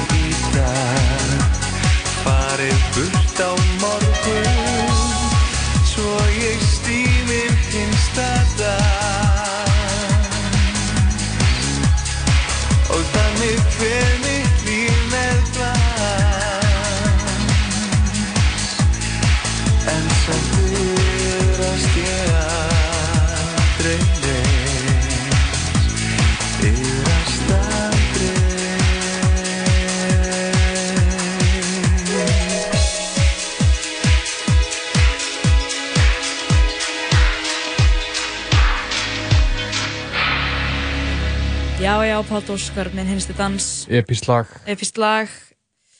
Epist lag, samt í alvegnu En klálega. uh, við Ísak haldum áfram í fullu fjöru hér í síðdæðist þettinum Tala saman. Og Ísak, nú veit ég að þú ert mikill svona miðbæjar gaur þó sért nú ekki frá ja, Úr þessu, þessu hérna, postnúmeri Nei, nei, nei, nei. og bara langt því frá Þú ert alls ekki úr miðbænum, þú ert úr kópóinum og við skulum ekkert vera að fela það neitt. Já, ég nú, reynir nú oftast að fela það. Já, ég, ég tel bara- nú vassendan vera, vera sé- sér ríkidæmi. En það er annar mál. Við eh, sjáum hverjir eru sammálað því. Mhm, en mhm, annar mál, þú ert mikið aðhangarnir í miðbæ og þá sérstaklega ertu svolítið mikið á hverjaskötunni. Já, Ég veit átt, þú ert með skrifstofuhúsnaði þar og hefur svolítið verið að hanga í þjóðleikhúsinu. Akkurat, já, þá bara uppljóstra öllu. Já, já, og uh, þú veist, uppljóstra og, og uh, ég ætla um þetta að segja hérna að það er mynd af þér, nei, ég er, hérna, hvað getur þú sagt með um uh, Vindris? Nei, á, uh, nú er stórtíðindi í, já, fyrir fólk sem að tekur strætó. Ok. Þetta er, þetta eru, sko, þetta er comeback, hverjarskatan er að koma aftur Aftur með comeback. og Strætó er að fara að aga hverjaskutuna mun aga hverjaskutuna aftur eins og hún gerði, eins og hann gerði alltaf Mhm. sem var vibe, sem Það var gaman það er algjört væp, og við Gunna- sé það nú ekki, Já. en uh, næst, næsta, nei, það er næsta sunnudag 8. desember Mhm. þá mun Strætó fara að keira hverjaskutuna aftur og mikið sem það hlakkar í mér Ú, já, ég meina, verður þið ekki að fagna því þar næsta sunnudag og mæta og taka vagninn og gunna brautina? Já, taka kannski eitt Snapchat af jú. fara svona hlaupa eftir honum Já, nei, en það er samt í alveg Snapchat, er ekki, er ykkur á Snapchat en þá í dag? Ert þú á Snapchat eða? TikTok og eitthvað svona, jú, jú Takk eitthvað TikTok? Það var TikTok og Instagram og allt þetta dót. Nei, en, en það var svolítið skellur þegar að strætóliðinar voru færðar niður á sæbrund. Það var ekkert gaman, það er svolítið erfitt fyrir þá sem eru, Þingoldsmegin og Laugavegin og, Já, líka og bara að lappa þangað, skiljum við, þegar að vera að bjóða fólki upp á þetta. Mm. En, þetta það er er svolítið erfitt þegar það er búið að loka gutunni að fá strætó Já. þær í gegn. En Og- nú er búið að gera, gera það allt upp. En hvað var verið að gera, veistu það?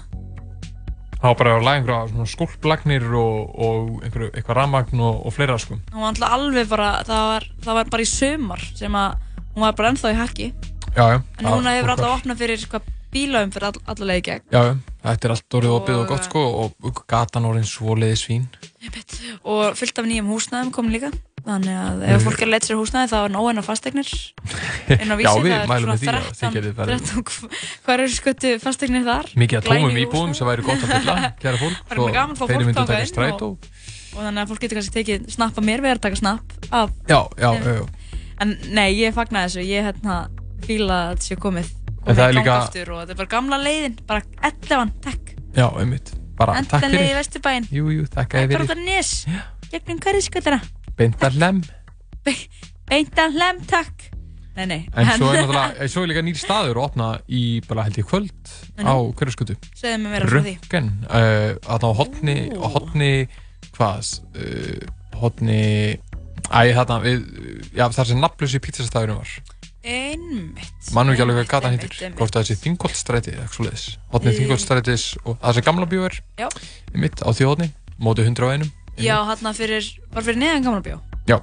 Nú, spennandi Og er eh, þetta það sem dill var og nafnlösi pizzastæðurinn. Já, þetta er á þeim, bara í Já. því slotti Já. Ok, ok, ok, þannig að Og það eru bara að opna nýr skemmtistæður, bar og, og meira. Nú, en meira það er þá, það var hérna eitthvað afstæðhæðinni Uh, já, þar uppi var er. nafnleysi pizzastæðurinn Mikil er svo hétt þetta sýstir um tíma eða eitthvað svoleiðis. uh, En nú er þetta bara röngen Röngen, takk. Röngen takk.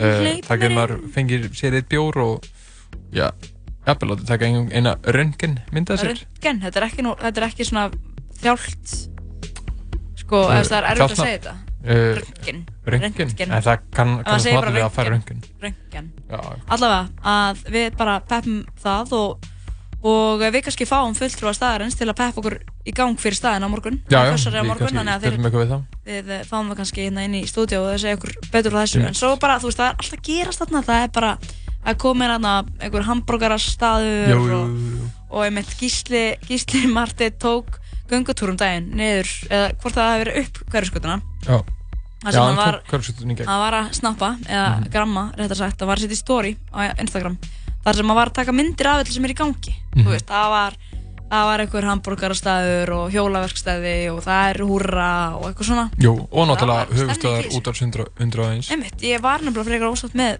okkar mann hann skul ekki, já, lappa alla leið til okkar. Já, hann veit bara ekki betur. Ha, hann veit að ekki betur og, er hræ- hræddur við samkefnina já, af því ég er náttúrulega er að byrja með vegan hérna á stöðinni. Það er vegan með Byrnu Maríu.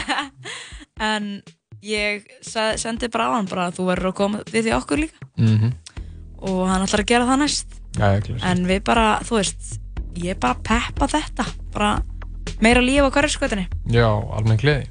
Ég væri sko helst til að væri bara samt svona um, meira, þú veist, ég væri næstu til í ok, þetta er stór, stór orð. Ekkert væri göngugata Nei, en það mætti bara strætó að kera þetta já Það er ekki, þú það getur farið næri leiðina, Já, sko. einmitt. Bara strætó og hjól. Bara svona smá eins og þe- þegar maður er kannski æ, þegar maður er kannski út í Amsterdam. Nei Þú að ég varst nú í man- London um daginn.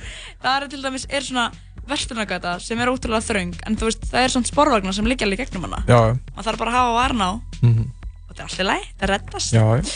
kannski er þetta fárlega hugmynd, þetta var að koma upp í hausnum á mér að Nei, bara mér finnst það góð mynd, as við ætlum að stinga upp að þessu Mitt, hvað talaði ég við?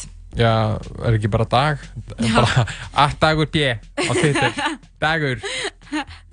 Herri, við höldum áfram með tónlist frá árinu 1997 Næsta lag heitir, ég var ekki búinn að spila Radiohead eða nokkuð? Uh, Nei, þú ert ekki Nei. búin að spila það. En uh, næsta lag sem ég langar að spila er með Radiohead og heitir Karma Police. Var 1997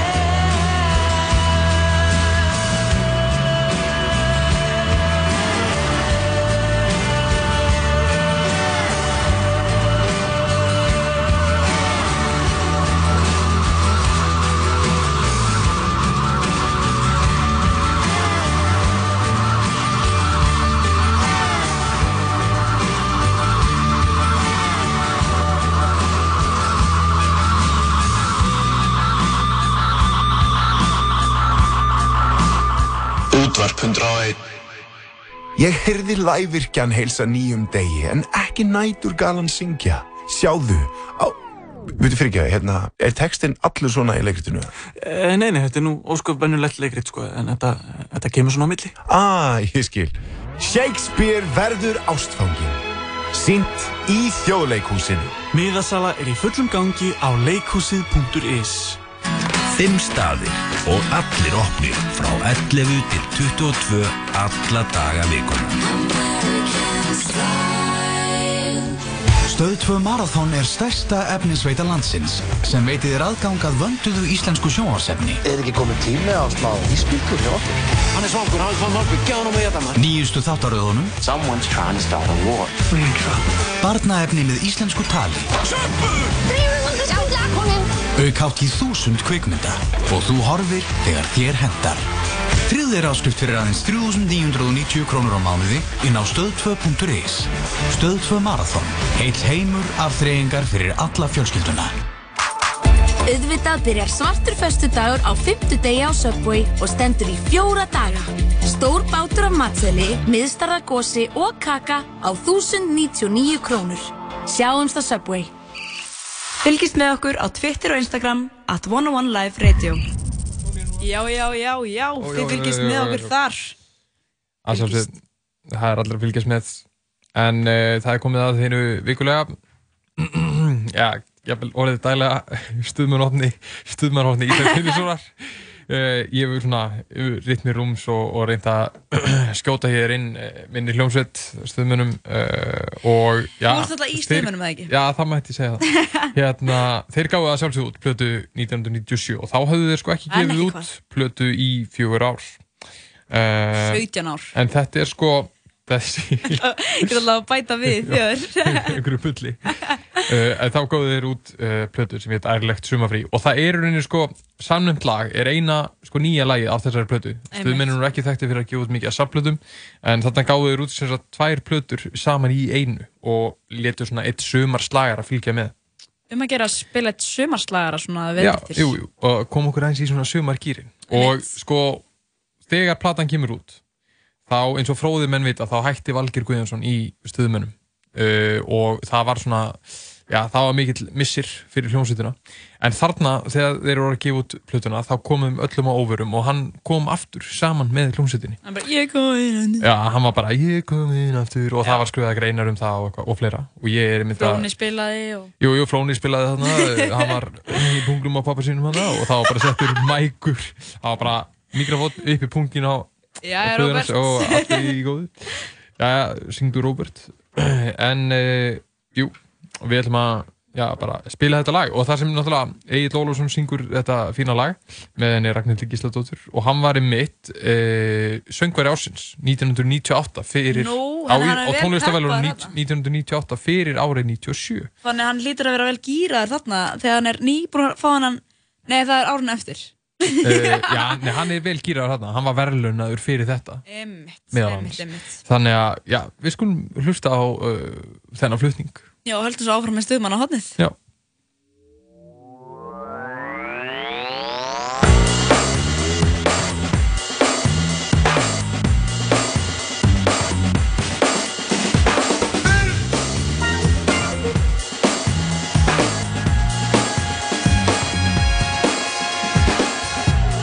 Ég held ég sé varla með sjálfum mér Sama ég er stend og hengi haus. En ég veit samt hvaða veikið þetta er. Vonandi er engin skrúfa laus Við þessu er víst bara eitt gott ráð. Annað betra víst var því brá Förum saman í ærlegt sumarfrí og ég ætla að leggja til tjálna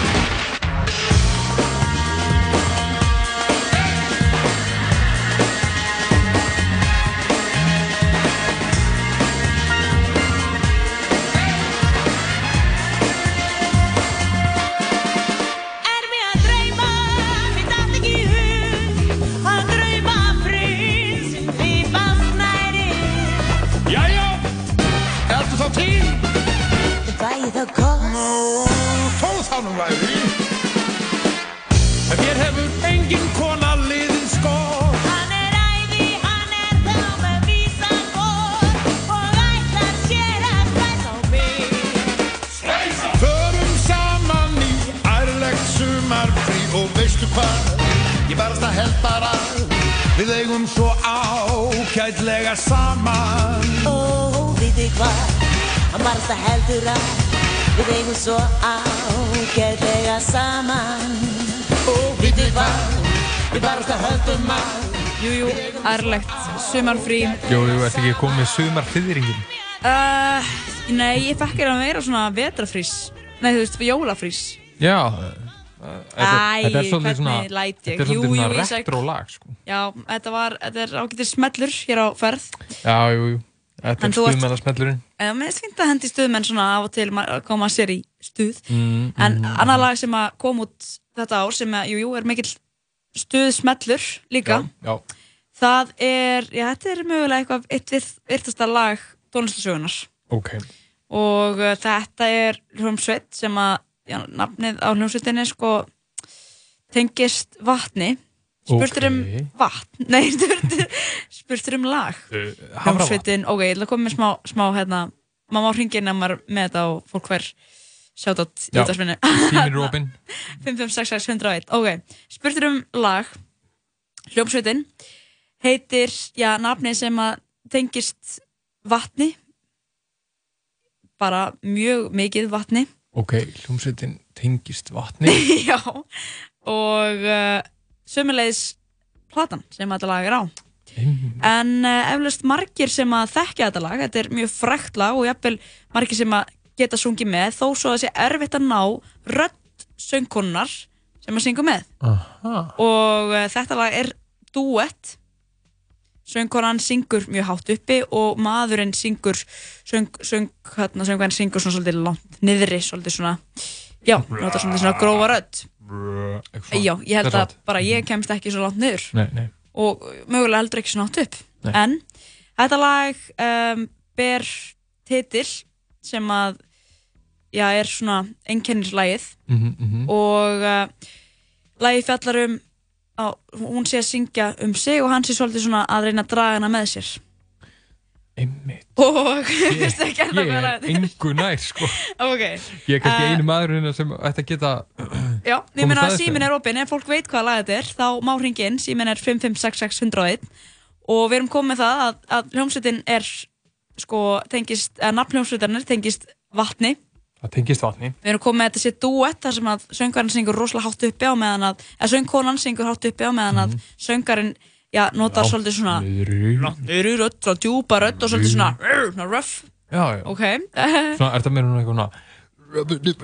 Já, svona? já, og. Uh, mjög svipað læginu, allavega. Mm. Læg fjallar um svona grófum dráttum svona að uh, hún sé, hún sé rauninni að syngja um sig og hann sé að reyna að fá hana með sér einhvert. um, en Og er þetta nafnið, erlend lag? þetta er erlend lag, Mhm. um, minna aftur á síminu opinn fyrir þá sem að vita þetta því að Ísak er engunær Nei. en uh, símin er 5566101 fyrir áhuga sama.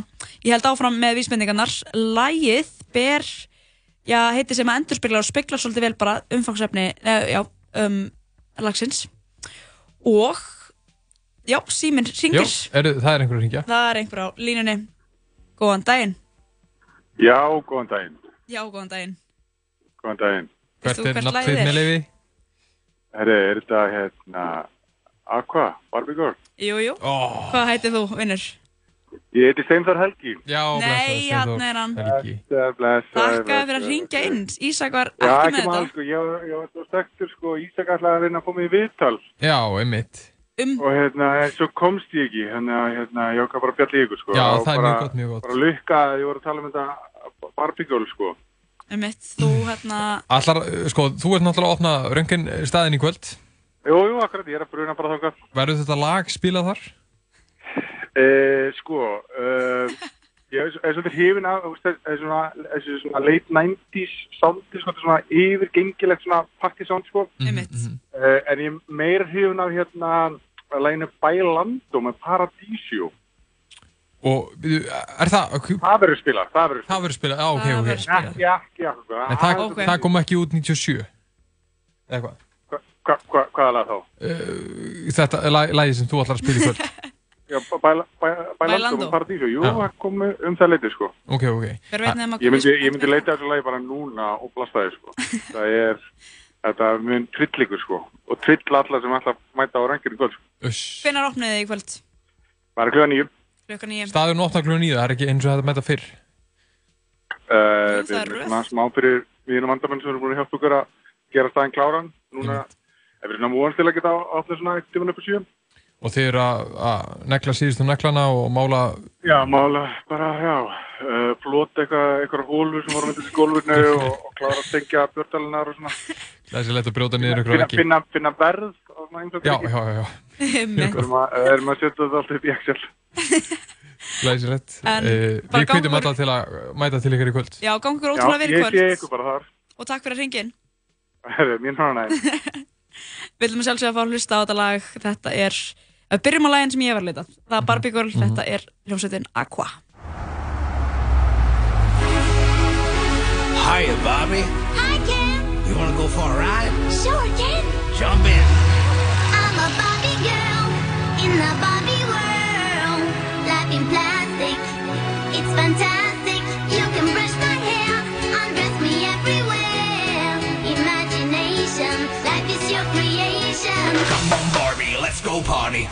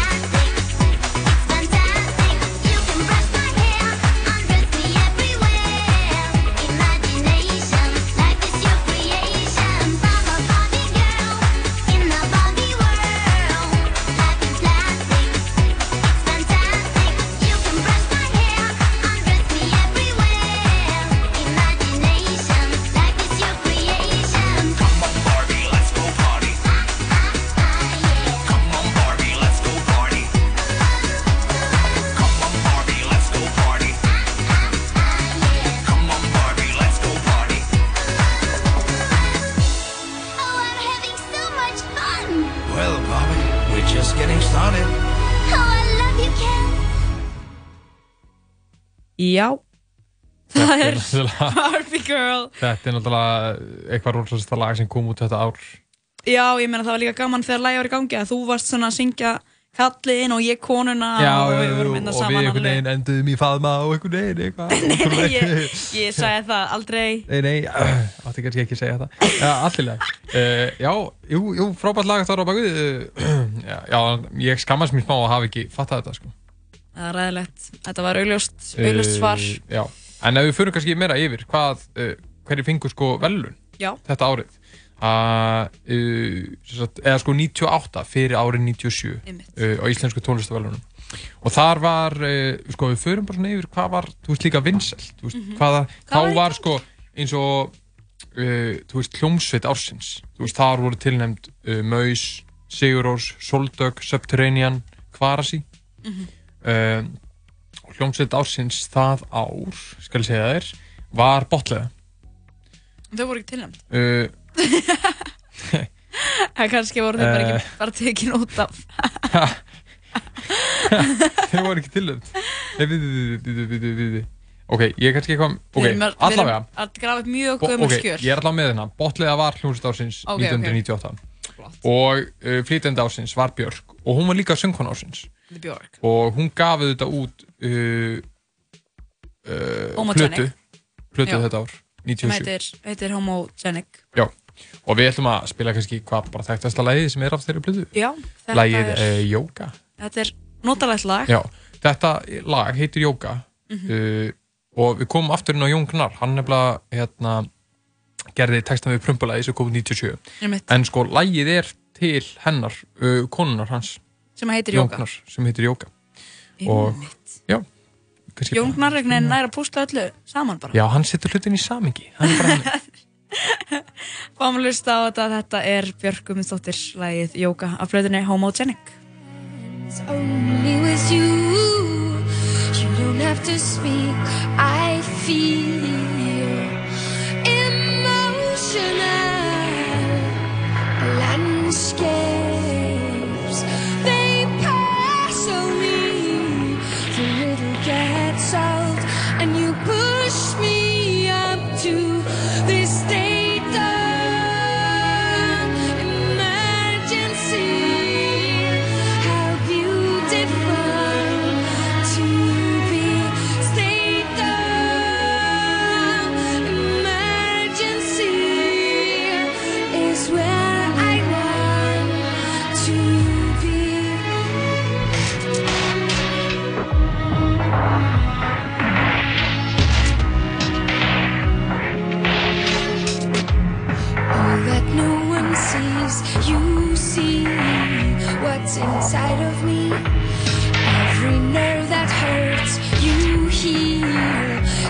Inside of me.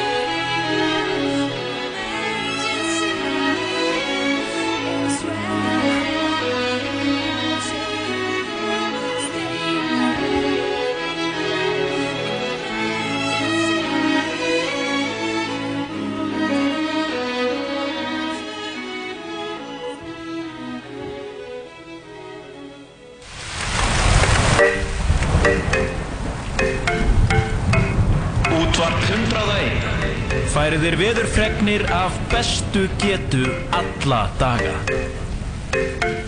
Útvarp 101 Já, það er langt síðan að þessi uh, góði Stinger fekk að hljóma þér í stúdíónu en Mhm. mér fannst við hæfi að kíkja hans yfir veðrið þar Já. sem að það er búið að vera að leika svolítið við okkur veðrið síðan er síðustu daga og það er búið að vera indislegt við það er búið að vera kallt en það er búið að vera óbúslega fallegt úti Það er líka búið að vera bara fallegt frost. Já. En maður horfir bara á grasið, það er svona eins og fallega frosið. fallegar frostrósins út um allt Já, þetta eru en frostrósir. uh, það er bara, þú veist, það er fínasta veður úti við erum núna Mhm. tvær gráður sirka yfir já, frostmarki og uh, þetta er ekkert endilega mikið niður fyrir það næstu daga, það á bara að vera kannski, við hendum okkur kannski aðeins niður í frostmark svona klukkan 5 á morgun eða í fyrramálið en svo bara heldur þetta sig í kringum frostmarkið og, og, og þetta er bara jákvæmt Já, þetta er bara glæsilegt. það er ekkert skemmtilega en að byrja daginn líka, þú veist, maður er kannski svona smá, eitthvað, smá lúsar í sér Já. og svo bara fara að byrta til og það er bara rosalega fallegt úti og það hjálpar man, manni alveg svona að komast í ágæti skap, það er, þú veist, nóg að sé dimmt lengi, Mhm. skilur, en það líka er bara eitthvað svona þú veist, það er dimmt og svo er hann komið bjart en þá er bara rók og rigning og grátt og ógslegt og þú veist, við viljum það ekki. Nei. þannig að mér finnst svona, við hæfum að peppa fólki í gangirna með, með veðrinu og, og Já, bara kunna meta þessa daga. kunna meta, maður verður að læra að kunna meta krakkar, það er bara svo leiðis en Ísak, við erum búin að fara um viðan völl og það er svona ýmislegt sem að, já, við erum búin að vera snert á í dag. Jú, jú. á morgun er föstudagur, það er svartur Já. Að, ef að þú ert búin að vera óskaðir einhvers í mörg ár þá getur þú kannski fundið það á tilbúð á morgun, en ef að þið vantar ekki raskat, þá bara ekki kaupa neitt Já, já, bara slepptu því. Slepptu því bara en uh, Það er auðvitað líka ganga á morgun, það sem uh, við ætlum að uh, ganga uh, svona allserja loftlagsverkfall. já, það Og er það er rétt kannski hjá þér. ja, svolítið kaldæðinslegt að, að Black Friday eða svartu fyrstaður sé á þeim degi. Það sem þetta er svona, já, þetta kallast svolítið á, Einmitt, neysluhyggjan neysluhyggjan. Jú, En- jú. Jú, jú, hún er, hún, þarna, bara er, hún er hérna Já. og hún er bara greinlegt að fara neitt af því að fólk er snarótt í að kaupa sér hluti Það var einhver sem hérna, tweetaði um að það var að skrifa um að, að það einkennir svo vel hvað Íslandika skilji ekki Black Friday þegar það er sko Black Friday vika á sömum stöðum. Einmitt En talandi um Black Friday, þá er ein búð sem að, já, ætlar að hundsa þessa, þennan dag verslun sem ætlar bara að hafna svertum fyrstu deg þau ætlar bara að skauta fram hjá honum og bara, það var lögata á morgun, sínst mér. Mhm. Þetta er búinn Vistera sem er við bústafik og þau eru sko svona vistvæn sem að segja sér kannski sjálf. Þau eru að selja ímsi vörur sem er svona um, með plastlaust, bambus, allt svona Mhm. vistvænt og umhverfisvænt. En á sama tíma þá getur maður líka ekki bara svona haldið að ef maður kaupir gett mikið af vistvænu að þá sé maður að gera eitthvað svona getur rétt Heiminum gott. Já, af því að við viljum líka ennþá bara hætta að kaupa okkur og nýta bara allt sem við eigum en hann að hún er uh, Jóhanna Gísladóttir sem er stopnandi búðarinnar Mhm. hún er í viðtali inn á vísi.is þar sem hún er að segja frá þessu og hér til dæmis er uh, mynd frá árun 2017 sem er frá ísl íslensk mynd Mhm. tekin fyrir framann Elko á svörtum föstudegi þar sem er bara löng röð. Bara morgun til. Já, þetta er bara mótnin til, þau opna þú veist nýju eða eitthvað og, og það er bara komin löng röðan fyrir framann og þú veist þetta er svolítið væpið svona þetta bandariska væp sem að er í gangi. Þetta er yfir í, í grunninn er þetta bara bandarist sko. En þetta er rauninni að það er um, já, bara flott framtíð hjá þeim að láta líka vita að þau séu ekki taka þátt. Já. og uh, hægt að kíkja á þetta viðtal inn á vísi.is Íslendingar eru svolítið gætnir á að svona, pikka upp eitthvað bandaríst og eitthvað sem er mikið í bandarísku samfélagi og svona alveg herri á það. að í grunninn þá er þetta ekkert eitthvað svona eitthvað búðirnar að vera ókslega góðar við okkur. Og ég sá hann að punkti á um, Eitis Blöndal sem ég er fylgja og hún var að tala með þetta eitthvað svona þetta er ekkert eitthvað svona að við að vera gett góð við alla og gefa afslátt. Nei, nei, þú veist þau græða miklu meira mitt. á þessu sem er alltaf lægi skilur bara þú veist búðin er líka vill selja skilur Já. ég vil líka að þau svo frekar að losa um og eitthvað svona en bara þú veist að þetta er ekkert eitthvað svona eitthvað já þetta er eini dagun sem er afsláttur á árinu það er ótrúlega oft ykkur afslættir og eitthvað, þannig að bara það var bara grínlugast um daginn, sko Já, eða eitthvað svoleiðis meðináttu sprengja, svoleiðis hvað sem dæmi. reyðir alls saman allavega við skulum bara hugsa okkur tvissunum um minnst alltaf að maður nýti sér þetta ef maður þarf eitthvað en Já, ekki fara að leita bara Skulum einhverju. ekki fara um og of Nei, við skulum ekki vera um of. En Ísak, takk hérlega fyrir samfélginu í dag. Þetta er búið Já, að vera skemmtilegt hérna hjá okkur. Já, Byrjuðum þáttinn á hérna virta lægi Prumpu fólkið með. Dr. Gunna og Við manns. Plötunni Abba Bab og þetta er bara klassiker og uh, ég held að við uh, sko annað lag sem er ja, tölvert betra. Það er Já, það er, það er Notorious B.I.G. þetta er lagið Hypnotize. Og ég held að við séum bara að kveðja að sinni. Já, hér er þessum hérna- fortíðar 50 degi 40 að 50 dagur, við vorum að spila tónlistarárinu 97, 1997, fæðingarárið okkar Mhm. og uppelds árið okkar.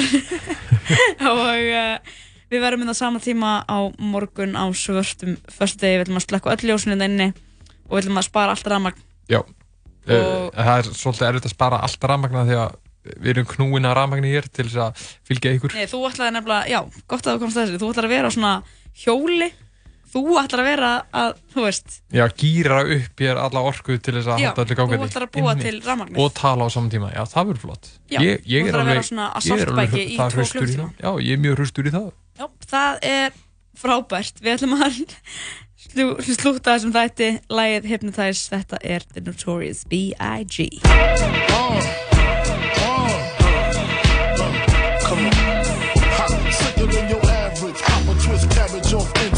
Niggas don't think shit stink. Pink gators, my Detroit players. Tim's for my hooligans in Brooklyn.